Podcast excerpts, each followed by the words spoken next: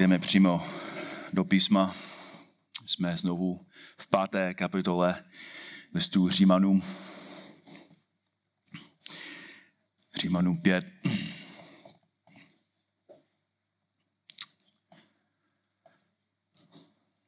Začneme ještě jednou u prvního verše.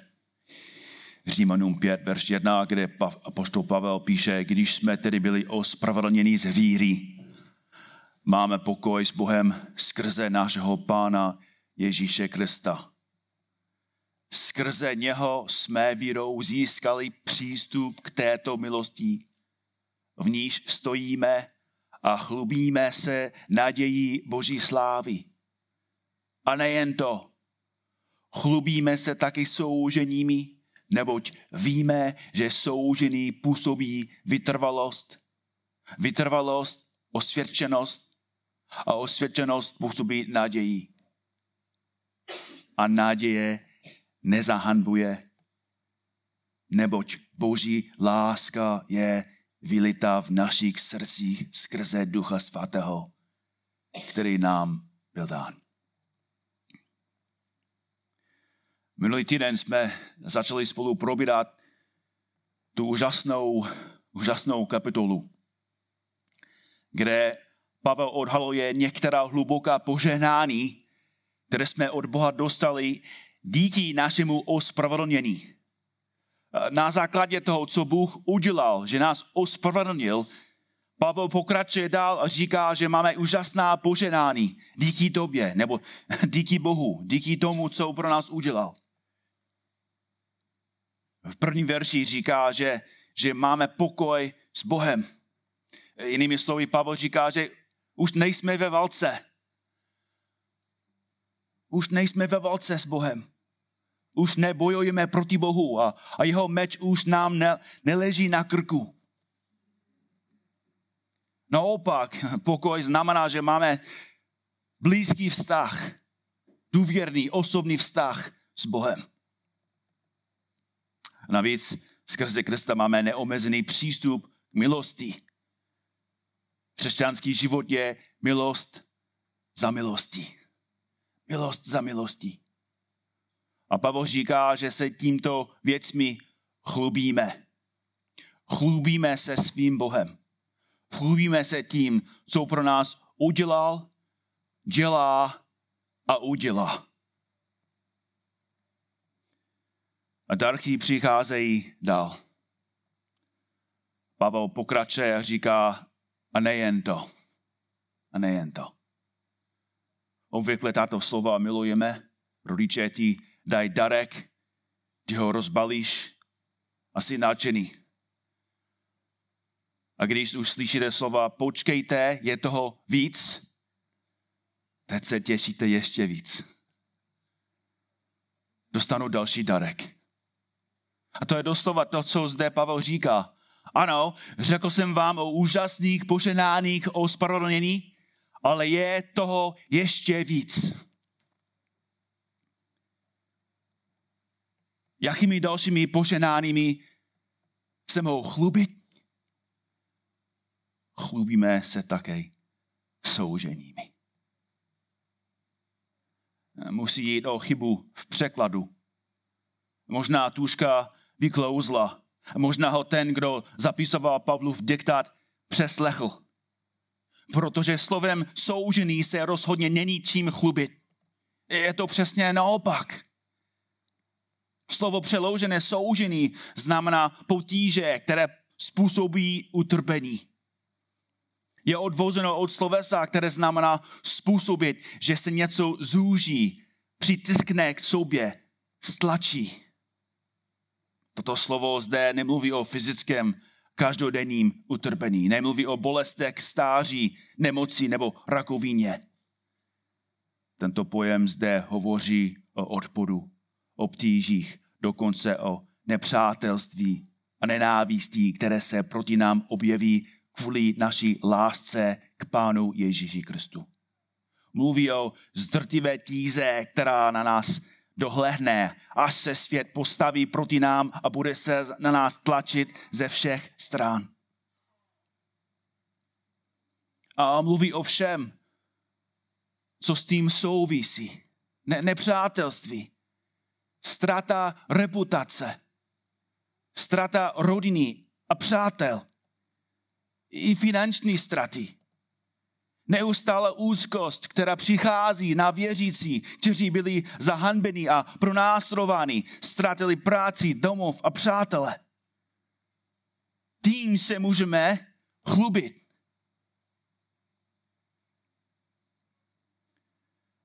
K tomu je třeba říci dvě věci. Za prvé Ježíš nám slíbil, že se tak stane, pokud ho budeme následovat, že to, o čem Pavel mluví, je normální pro křesťana. Jan 15, 18 až 21, jestliže pan Ježíš říká, jestliže vás svět nenávidí, vězte, že mě nenáviděl dříve než vás. Kdybyste byli ze světa, svět by miloval to, co je jeho. Že však nejste ze světa, ale já jsem si vás ze světa vybral, proto vás svět nenávidí. Pamatujte na slovo, které jsem vám řekl, otrok není větší než jeho pán. Jestliže pronásledovali mne, i vás budou pronásledovat. Jestliže zachovali mé slovo, i vaše zachovaj ale to všechno vám učiní kvůli mému jménu, protože neznají toho, který mě poslal. A Pavel řekl to takhle, skutí 14.22, že musíme skrze mnoha soužení vejít do Božího království. Chceme-li mít Krista, musíme si uvědomit, že v určitým okamžiku budeme trpět.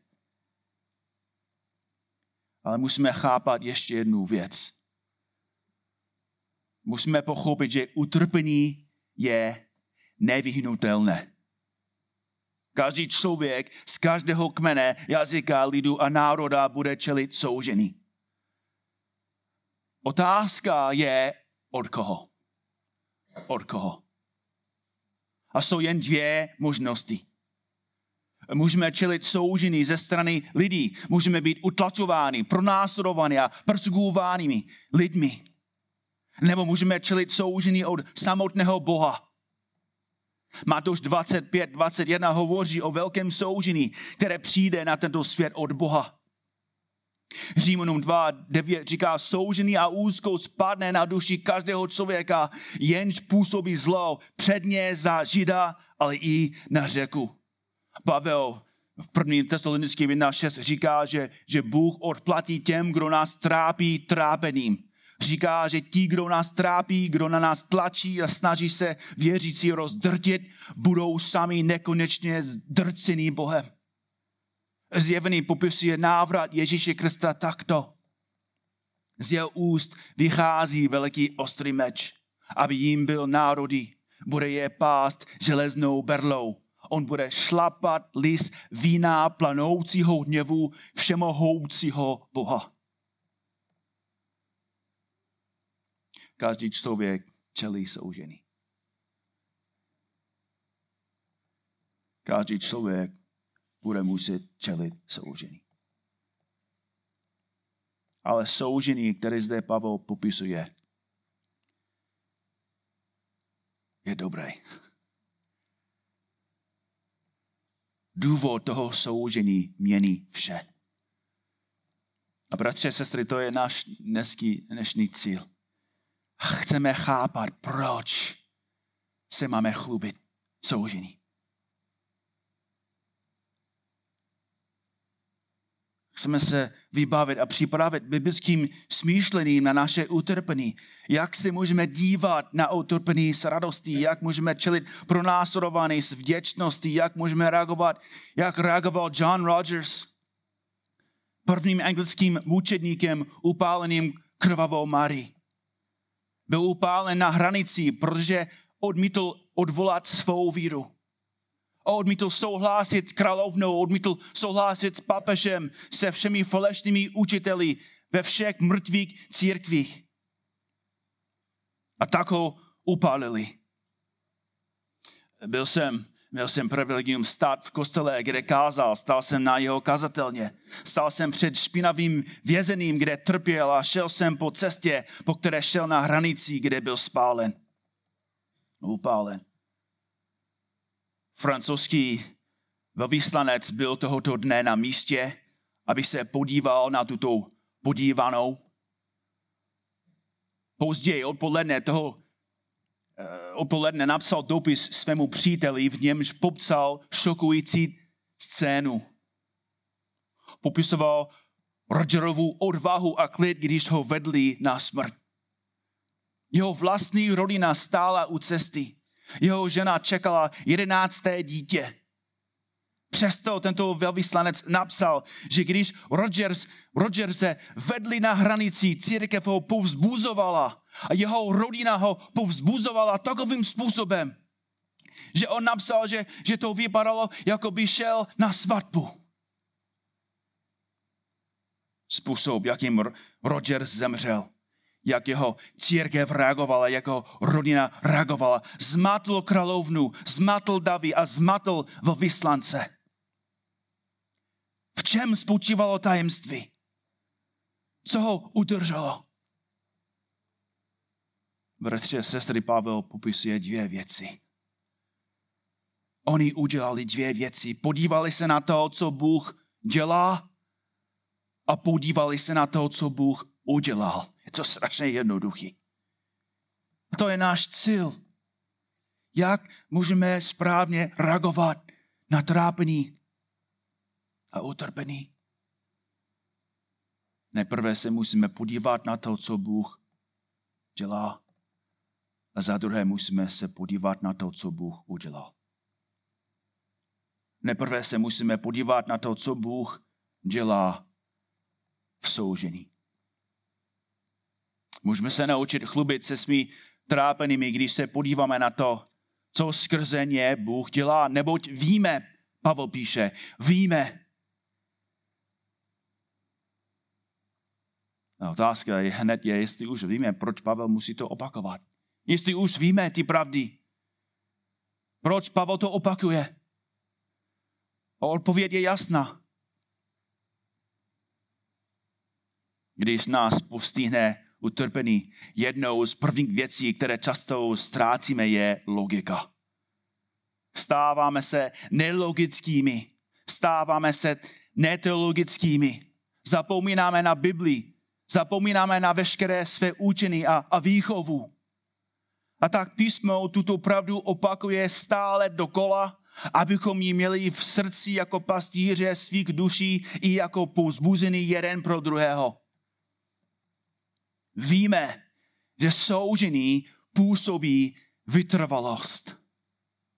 Slovo působí v překladu znamená přinášet kýžený výsledek. A první věc, kterou soužený působí podle Pavla, je vytrvalost. Vytrvalost je schopnost zůstat pod tíhou nepřízeně z osudu.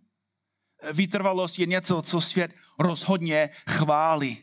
Voják, který bojuje dál, i když je zraněný. Sportovec, který běží dál, i když nemá sílu. Spěráč, který popírá gravitaci. Člověk, který začínal v chudobě a teď je bohač. Utiskovná menšina, která čelela odporu a dostala se na vrchol. Svět chválí tí, kdo vytrvalé získávají odměny tohoto světa.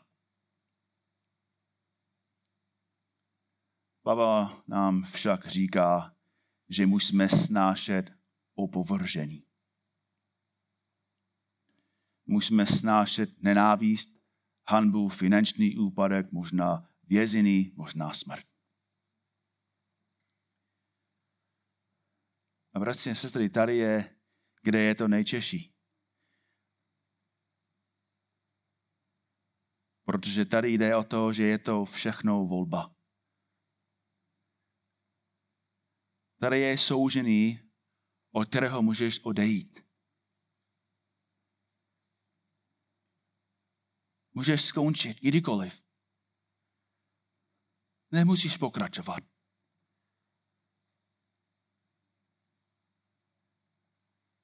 Někteří celá zapřou Krista a odpustí ho, protože nechtějí pokračovat. Někdy je však možné uniknout soužený nikoli viditelným odpadnutím, ale tajným odpadnutím v srdci. drobné kompromisy, lež, která má zabránit utrpení. Vynechejte některé informace a usnadněte si práci. Změňte pravdu a vyhnete se bolesti. Vždycky se na, najdou příležitosti ke kompromisům a překrucování věcí a pak dokonce předsvědčujeme sami sebe, že jsme v pořádku, že jsme stále věřící.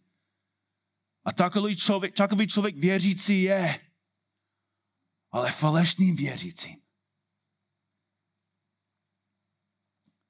To však není cesta pravého věřícího. Skutečný věřící nedělá kompromisy. Své místo neodpouští, neodděluje se od Krista. Kdo skutečně chápe, co Bůh udělal pro jeho duši, ten vydrží. Pokračuje, zůstává. A co se stane? Pavel píše, vytrvalost působí osvědčenost. To je skvělé slovo. Jde o to, že soužený potvrzuje víru věřícího. Soužený potvrzuje víru věřícího. Možná si položil otázku, co bych udělal v dané situaci. Jak by se reagovali při přepadení banky nebo při požaru? Je to stejné jako v tomto případě. Nevíme, čeho jsme schopni. Nevíme, jak budeme reagovat, dokud nebudeme testováni. Co jsem za to, to za člověka? Jak upřímná je moje víra? Jak moc jsem odvážný? A asi chápeme, jako v jaké situaci jsme dneska. Kdo z nás byl ve vězení kvůli Kristu? Kdo přišel o práci kvůli Kristu? Asi málo. Ale to přijde. A Pavel říká, utrpení přináší odpovědí na otázku, kdo jsme ve skutečnosti. Kdo jsme my v jádru. Soužený odhaluje kvalitu naší víry, odhaluje realitu našeho charakteru. A když jsou tyto otázky zodpovězeny kladně, výsledkem je toto slovo osvědčenost. Jedná se o certifikaci. Je to razítko božího schválení. Je to pečet, nálepka, otisk, který říká certifikovaná pravá víra, skutečný křesťan. Když jsem začínal stavět domy, na začátku jsem si koupil ty nejlevnější nářady. Levné kladivo, levný metr, levná pila, ale všechny se rozbily. Proč? Protože neměli kvalitní. Pak se začnete učit, které nástroje jsou nejlepší. Podívá se na, na, na lepku, co má kolega, jak má Makita, jak má Devalt. A ty se učíš, že ty jsou ty správné. Ty jsou ty certifikované, skutečné. Takové značky znamenají kvalitu. Znamená to, že, že tyto nástroje zvládnou tento úkol. Nelámou se snadno, po měsíci se nepotře- neopotřebovávají. Jsou certifikované a zaručené. A pán Bůh říká, že to je, co dělá soužený. Soužený jde o proces certifikace. Je to zkouška, která nám umožní získat schvalovací razitko. Když vydržíme, Bůh nám vydá svědectví. Bůh sám říká skutečný, certifikovaný.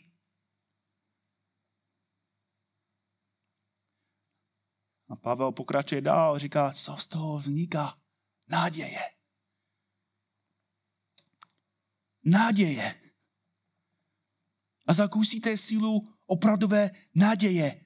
A nezapomeňte, že to není naděje světa. Sekulární chápaný naděje lze definovat jako touha po určitém výsledku bez jakékoliv jistoty. Doufám, že řekne ano. Doufám, že tu práci dostanu. Doufám, že výsledky budou negativní. Tento druh naděje je nucen zdůraznit nejistotu výsledku. Pro tento druh naděje často vede k úzkosti. Protože neexistuje žádná bezpečnost, neexistuje žádná záruka. Biblické pojetí naděje však znamená důvěru ve výsledek. Synonymem biblické naděje je jistota. Pavel říká, máme jistotu výsledku. Friedrich Nietzsche řekl, naděje je nejhorší zlo, protože prodlužuje lidská muka. Prodlužuje iluzí, že to dopadne dobře. Ale naděje věřícího člověka je však radostná jistota, která přichází, protože se od, ohledneme za tím, čím náš Bůh provedl. Až projdeš ohněm, děštem, blátem, pokušeným a utrpením, až projdeš zkouškami, až se dostaneš na druhou stranu, až se ohledneš a uvidíš všechny zkoušky, kterými jsi prošel, všechna nebezpečí, kterým jsi unikl, všechny nástrahy, kterým se vyhnul. Až se ohledneš a uvidíš, jak daleko jsi došel a jak moc jsi vyrostl, co se stane? Roste tvoje naděje bez pochyby víš, že Bůh je s tebou. Mám rád, co, co Petr píše, první list v 5, 8 až 10. Buďte střízliví a bděte. Váš protivník ďábla obchází jako řvoucí lev a hledá, koho by ji pohltil. Postavte se proti němu pevný ve víře, vedoucí, že tatáž utrpení se naplňují na všem bratrstvu po celém světě. A co potom? A Bůh veškeré milosti, který vás povolal ke své věčné slávě v Kristu Ježíši.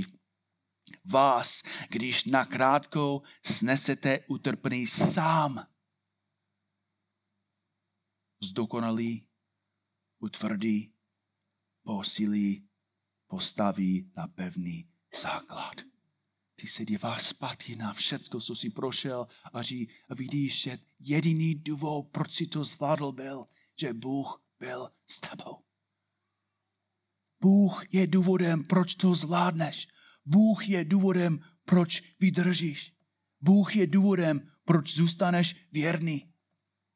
Bůh je ten, kdo nás odsvědčuje. Bůh je důvodem, proč máme naději. Bůh je důvodem, proč máme důvěru, že patříme Bohu a On nás podrží. A Pavel říká, a naděje nezahanbuje. Nebudeme zklámaný. Nikdy nebudeme lomit rukama, skřípat zuby a říkat, proč jsem žil pro Krista. Proč jsem zůstal věrný. To se nikdy nestane. A tady je nejlepší důvod ze všech. Neboť. Neboť Boží láska je vylitá v našich srdcích skrze Ducha Svatého, který nám byl dán. Zde máme druhý důvod, druhý povzbuzený, proč musíme zůstávat věrní a jak můžeme. Musíme se dívat na to, co, co Bůh dělá, ale za druhé musíme se podívat na to, co Bůh udělal. Nebo boží láska je, nebo v řečtině byla vylita v našich srdcích. Není tam napsáno láska k Bohu. Láska k Bohu není to, co vytváří naději. Láska k Bohu není to, co nás osvědčuje. Měli byste naději, kdyby vás měla osvědčit vaše láska k Bohu? Opravdu. Přemýšlejte o tom právě teď.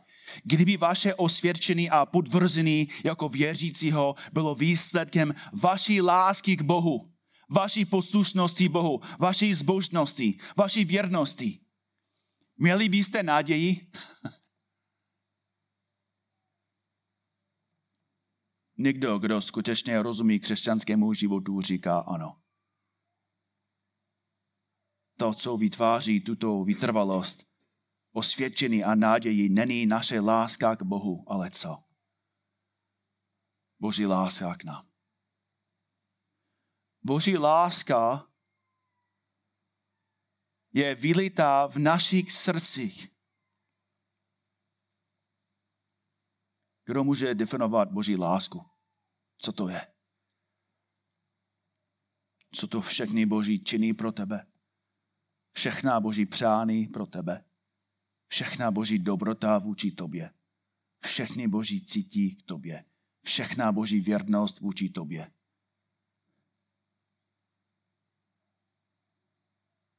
Pavel říká, že Boží láska byla vylita. Boží láska se nedává po kapkách. Není to jako vyprahlý muž na poušti, který drží báňku a čeká, až z ní vytečou poslední dvě kapky. Duch svatý vylil Boží lásku. Boží láska je vylita zadarma, hojně, vydatně, štědře. Chrysostom říká, že boží láska je zde popsaná jako extravagantní hojnost. Množství lásky, které vylil, je větší, než bychom kdy mohli potřebovat, větší, než bychom si kdy mohli představit, větší, než bychom kdy mohli použít.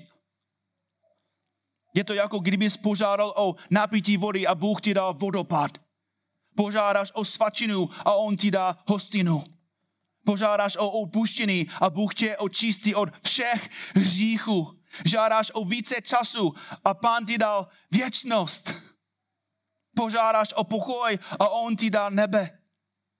Požádáš o moc a on ti dá svého ducha. Žádáš o život a on ti dává svého vlastního syna. Boží láska přesahuje vše, o co bychom mohli požádat, nebo na co bychom mohli pomyslet. Několikrát jsem stál pod vodopady, aspoň těmi menšími. Ty velké by, by vás téměř zabili, ale můžete stát pod vodopádem vysokým 10 nebo 20 metrů a voda se na vás jen valí a můžete se utopit. Voda se na vás valí tak neúsporně, neúprostně, že nemůžete dýchat a musíte se přesunout z vodopadu, abyste se neutopili. Pavel říká, že boží láska je tak důkladně vylitá do našich srdcí, že není místa, kam bychom mohli jít a kde bychom nebyli zahrnutí boží láskou. A bratři a sestry, zde je nejdůležitější část toho. Musíme dnes ráno pochopit, že to není jen doktrinální poznání. Nejde jen o pochopení pravdy nebo o hlubší porozumění evangeliu. Ano, to je důležitý. Ale je k tomu mnohem více. Pavel zde mluví o zkušenosti lásce. Láska, která je cítit. Láska, která se poznává v hloubí duše. Když procházíte utrpením, když trpíte, když snášíte nenávist a nepřátelství a někdy neuvěřitelnou bolest a utrpení, Bůh vám nedává jen učení. vlévá svou lásku do našich srdcí.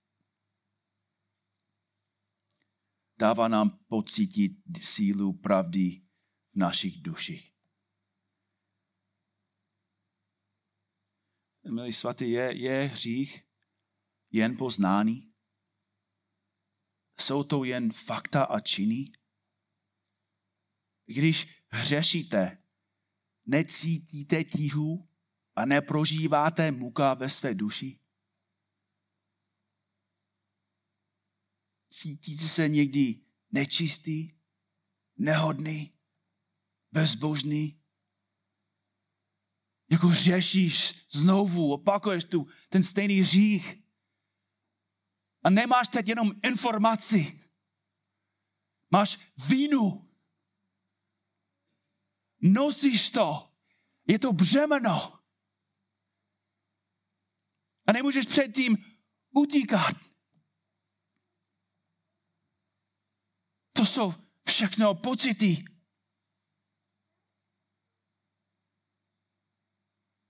Nejsou jenom doktrinální pravdy. Pravda je živá, doktrina je živá, hřík zraňuje, poškozuje, zžírá duši. Proč tolik lidí mají depresi, pocity, zničené emoce, fyzický vliv hříchu, života. Člověk cítí tíhu, cítí tu temnotu, cítí, jak poskužuje duši. Kolik lidí hřík citově zničil.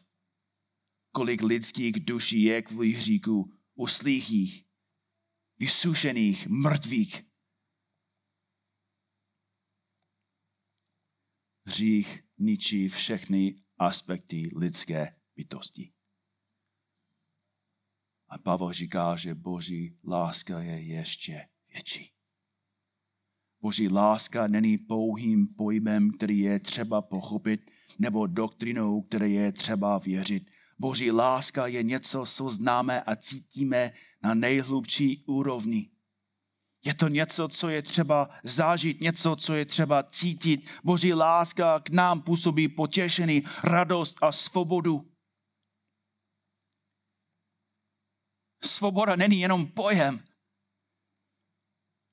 Když vyjdete z vězení, není to jen nějaký intelektuální přechod. Když vstoupíš ven, se neděláš jen kolem sebe, říkáš, a teď mám svobodu. Teď můžeš běžet. Můžeš tančit, můžeš skákat, můžeš, můžeš žít. Můžeš políbit svou ženu. Své děti můžete obejmout. Můžete dělat vše, co jste ve vězení nemohli a cítíte se tak, jak jste se nikdy předtím necítil. Všechen smutek odchází, všechna prázdnota je zaplněna a radost přichází jako povoden. Tak na nás působí Boží láska, vyvolává v nás důvěru, radost, která nás volá zpět a znovu a znovu a znovu. Boží láska nás osvobozuje, abychom se těšili ze všeho, co nám dal, zejména z něho samotného. Jinými slovy, nemusíte žít okovek hříchu, i když ještě hřešíte, i když ještě hřešíme. Nemusíme žít pod zdrucujícím břemenem viny, i když ještě žijeme v tomto těle smrti. Nemusíme žít v neustálém pocitu nedostatečnosti. I když nikdy tady na zemi nebudeme dost dobří. Bůh nás totiž nemiluje proto, že jsme dost dobří, dost svatí nebo dost spravedliví. Zeptá se, jak tak, proč Bůh mě miluje? Protože tě předurčil před stvořeným světa. A říkáš, to není odpověď. Je. Znamená, že to není něco v tobě. Ten důvod není v tobě. Ten důvod není ve mně. Ten důvod není jako v něčem, co jsem udělal, jak jsem žil, jaké skutky jsem udělal. Bůh mě nemiluje, protože jsem nechal svůj život v USA, že jsme přišli sem. Bůh vás nemiluje, protože jste dost svatý, protože dost evangelizujete. Ty, ty důvody nejsou v nás.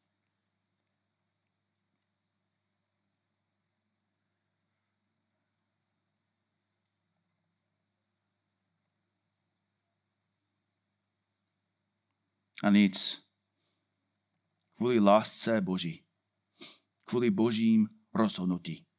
Nic, co se vám stane, na tom nemůže nic změnit.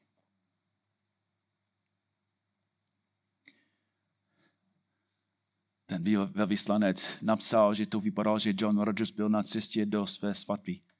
Protože byl. Byl na cestě se sejít s Kristem. Byl na cestě se sejít se svým spasatelem. On viděl přes plameny, přes smrt, přes soužení. Viděl, chápal se svou rodinou, se svou církví, že smrt není konec. Soužení není věčné. Že musel jen držet chviličku. A za chvíli bude se svým Bohem. A proto můžeme s naším bratrem a poštolem Pavlem můžeme s ním říct, jsem přesvědčen, že ani smrt, ani život, ani anděle, ani mocnosti.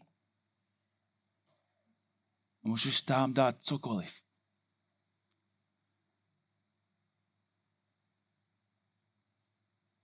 Ani přítomnost, ani budoucnost, ani moc, ani výšina, ani hlubina, ani žádné jiné stvoření. Nás nebude moci odloučit od Boží lásky, která je v Kristu Ježíši, našem Pánu.